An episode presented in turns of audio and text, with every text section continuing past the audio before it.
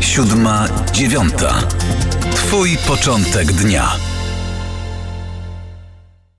Gościem poranka 7-9 jest pani Barbara Wesołowska-Budka, psycholog, psychoterapeuta z poradni zdrowia psychicznego Edukatio. Dzień dobry. Dzień dobry, witam serdecznie.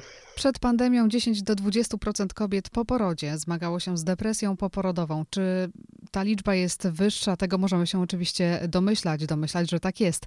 O depresji poporodowej chciałabym dziś porozmawiać. Zacznijmy od tego, czym się różni baby blues od depresji poporodowej. No tak jak pani tu wspomniała o statystykach, e, to rzeczywiście do około 30% kobiet zmaga się z depresją poporodową. Jeżeli chodzi o baby blues, jest to mm, właściwie w okolicach między 50 a 80% kobiet e, doświadcza tego i jest to coś, co no, jak statystyki mówią, doświadcza większość kobiet. Czym się różni? Tak naprawdę, jeżeli chodzi o baby blues, e, pojawia się między piątym a szóstym dniem e, po porodzie. Jest związany z odczuciem smutku, płaczliwością, e, też chwiejnością e, nastroju. Natomiast matka nie odrzuca dziecko dziecka, jest e, nadal w kontakcie z dzieckiem, nie doświadcza myśli samobójczych czy tendencji samobójczych. I przede wszystkim to, co jest ważne, to baby blues powinien zakończyć się w okolicach dwa tygodnie od pojawienia się. Jeżeli zaś te objawy nasilają się, e, i zaraz też będę chciała troszeczkę powiedzieć o objawach depresji poporodowej, oznacza, że należy skontaktować się ze specjalistą. No właśnie, to powiedzmy o tych objawach. Jak rozpoznać, że mamy do czynienia z depresją poporodową? No przede wszystkim e, mamy obniżenie nastroju, e, czyli kobieta często płacze bez powodu, jest rozdrażniona, smutna, przygnębiona przez większość e, dnia. Zaburzenie też napędu, czyli odnotowujemy brak energii do wykonywania nawet takich podstawowych czynności.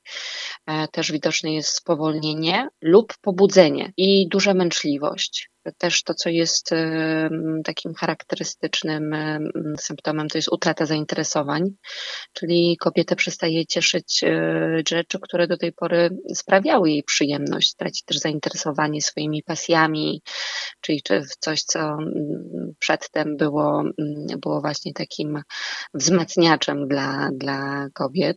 Anhedonia, czyli niemożność przeżywania radości i przyjemności. Też, co jest charakterystyczne, obniżona samoocena, czyli poczucie takiej bezwartościowości. Przy tym mogą się pojawiać takie myśli jak jestem złą, matką, jestem beznadziejną matką, nie nadaje się do roli matki, i, i wiele innych e, też e, takich bardzo krytycznych myśli na swój temat. Też pojawia się takie no, nieadekwatne poczucie winy.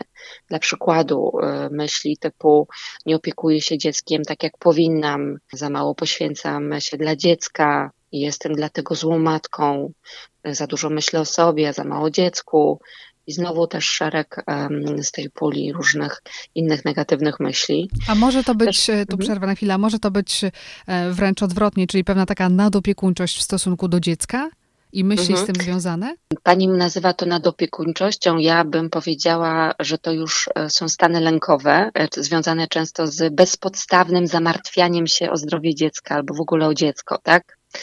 Czyli to taka nadopiekuńczość często związana jest tutaj e, właśnie z stanami lękowymi. Mhm. Czy kobiety z depresją poporodową zgłaszają się same po pomoc, czy częściej może to otoczenie zgłasza je do specjalisty? To zależy. To zależy, bo tak naprawdę mm, jest część kobiet, które są w dobrych relacjach z rodziną, z partnerem, z przyjaciółmi i oni z, z racji tej bliskości rzeczywiście rozmawiają, sugerują, podpowiadają, zachęcają, ale zazwyczaj to, to same kobiety dokonują zapisu, tak? Natomiast kontekst jest ważny, tak? Czyli, że sieć tutaj rodzinna, społeczna wspiera w tym.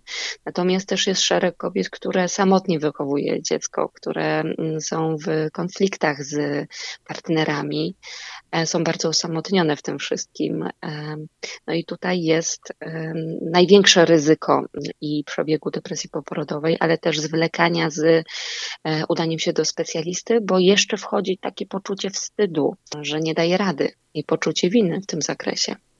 No właśnie, może za mało mamy wizji realnego e, początku macierzyństwa, Tak. za dużo wymaga się od młodych mam, czyli wymaga się, żeby były bezwarunkowo szczęśliwe.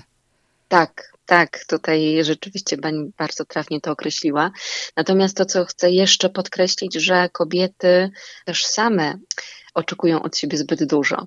Czasem mm, doświadczamy tego, że sieć społeczna czy, czy rodzinna nie ma tych oczekiwań. Natomiast i tutaj uwaga do wszystkich pań, które należą do perfekcjonistek, że tu jest też zagrożenie. Nie ma idealnych rodziców, nie ma idealnego jej mamy, nie ma idealnego taty. E, I chęć podążania za bycie idealną również wpływa e, na duże ryzyko mm, zachorowania na depresję poporodową, bo nadmierne oczekiwania, które same sobie stawiamy, aby być tą idealną, jest dużym zagrożeniem. A te instagramowe mamy piękne po porodzie z roześmianymi dziećmi i porównywanie się do nich też może pogłębić to złe samopoczucie?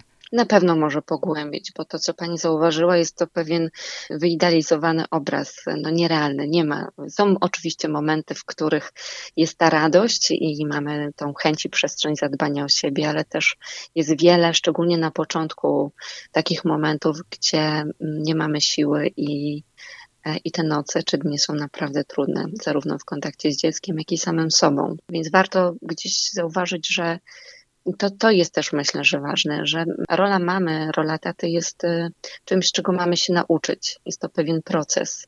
Dajmy sobie przestrzeń, dajmy sobie, przyzwólmy na naukę, przyzwólmy na to, żeby, e, żeby popełniać błędy. E, starajmy się zadaptować. Mniej więcej adaptacja do nowej roli trwa w okolicach trzech miesięcy postarajmy w tym czasie być dla siebie takim dobrym, wdzięcznym, a jeżeli właśnie czujemy, że któreś z tych objawów, o których powiedziałam, bądź, bądź jeszcze inne, które nas niepokoją, porozmawiajmy z kimś bliskim, bądź jeżeli nie mamy takiej osoby, udajmy się do psychoterapeuty. A w jaki sposób leczy się depresję poporodową? To zależy od przebiegu i nasilenia. No, tak naprawdę w stopniu łagodnym i umiarkowanym, e, i mówimy tutaj o depresji poporodowej, ja sugerowałabym, i rzeczywiście tutaj badania również pokazują, zacząć od psychoterapii indywidualnej albo grupowej, ze względu na to, że część e, leków, właściwie większa część leków, e, czyli tutaj mówimy o farmakoterapii, przenika do pokarmu, czyli no, mam, który zależy na karmieniu piersią również e, warto rozpocząć od psychoterapii indywidualnej. A psychoterapeuci mają, certyfikowani psychoterapeuci mają szeroką wiedzę i myślę, że bez problemu też zasugerują, jeżeli będzie konieczność włączenia leków, właśnie ich włączenie. Natomiast e, też pojawi, może się pojawić psychoza. Natomiast no, tutaj objaw jest, e, znaczy objawy są znacznie bardziej dynamiczne, bardziej zauważalne i tutaj już e, wymagane jest leczenie farmakologiczne, czyli lekarz psychiatra. A czy są jakieś czynniki ryzyka, które mogą wpływać na pojawienie się depresji poporodowej? Na przykład mamy, które, które wcześniej, jeszcze przed zajściem w ciążę, chorowały na depresję, albo takie, które tak. bardzo w jakiś taki stresujący, silnie sposób przeszły ciążę. Tak, dokładnie. Czyli osoby, które wcześniej chorowały na depresję, rzeczywiście mają większą, e, większe prawdopodobieństwo e, zachorowania na depresję poporodową.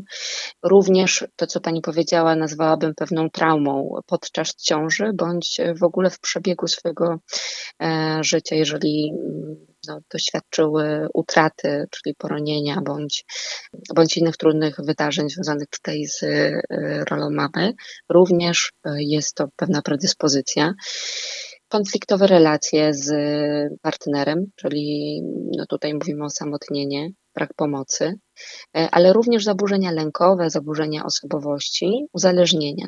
Również to jest, jeżeli ktoś zmagał się przed e, porodem, która jest pani e, przed porodem, z tego kręgu zaburzeń, również jest to pewna predyspozycja. I ostatnie moje pytanie, czy pandemia i izolacja także w tym temacie mogą mieć złe skutki? Myślę, że na pewno. E, myślę, że na pewno, bo no, izolacja społeczna plus restrykcje, lęki związane z samym porodem, przebiegiem, lękiem o zdrowie maluszka własnym, to może potęgować. Myślę, że tak. Natomiast no, jeszcze badań, to wszystko jest e, świeże, są pewne, pewne badania, natomiast e, one na razie są świeże, niewielkie i, i tak naprawdę nie mamy się do czego odwoływać. Natomiast ja osobiście zauważam, że e, tak pandemia ma istotny też wpływ na to. Drogie panie, nie jesteście same, nie jesteście beznadziejne, nie musicie być perfekcyjne. Szukajcie pomocy, jeśli źle się e, czujecie. Barbara Wesołowska-Budka, psycholog, psychoterapeuta z poradni zdrowia psychicznego Edukacja była gościem poranka 7-9. Dziękuję bardzo pani doktor. Bardzo dziękuję. Siódma, dziewiąta. Twój początek dnia.